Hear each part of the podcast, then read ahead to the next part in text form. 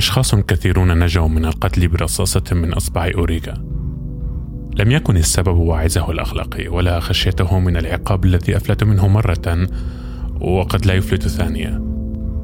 ودائما في اللحظة التي يرفع فيها سبابته مقررا أن يضغط الزناد. كان يفتنه هاجس. ماذا لو أن خزانة مسدسه تضم طلقة أخرى وحيدة؟ كان يخفض إصبعه مهزوما ومواسيا نفسه.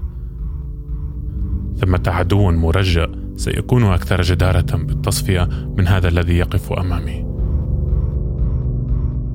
كثيرون قتلهم أوريغا في ذهنه دون أن يضغط الزناد. كثيرون جدا حتى أصبح يملك مقبرة جماعية في مخيلته.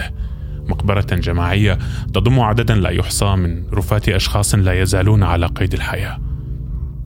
نساء دار الأيتام القاسيات حيث أكمل طفولته. الأقنعة الشمعية لأصحاب الشركات المعطرين حارسو العقارات المؤجرة الذين نصبوا من أنفسهم رقباء على جسده.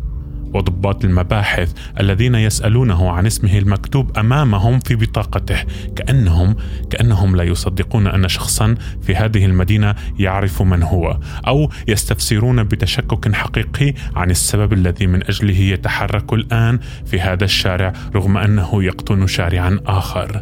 منتظرين إجابة مقنعة على السؤال الهذياني هؤلاء جميعهم قطنوا المقبرة الجماعية لخيال أوريغا.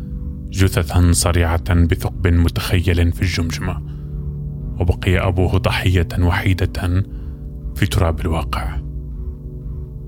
لكن لكن ثمة سبب آخر لخوف أوريغا من إطلاق رصاصة جديدة كان هو الأكثر إرعابا أن يكتشف أن لا وجود من الأساس لهذه الرصاصة أن خزانة إصبعه كانت تحوي طلقة واحدة فقط وقد استخدمها مبكرا ليقتل الشخص الخطأ.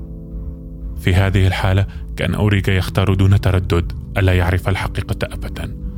مفضلا أن يواصل العيش على كتف الحماية الوهمية التي يوفرها سلاح متبطل.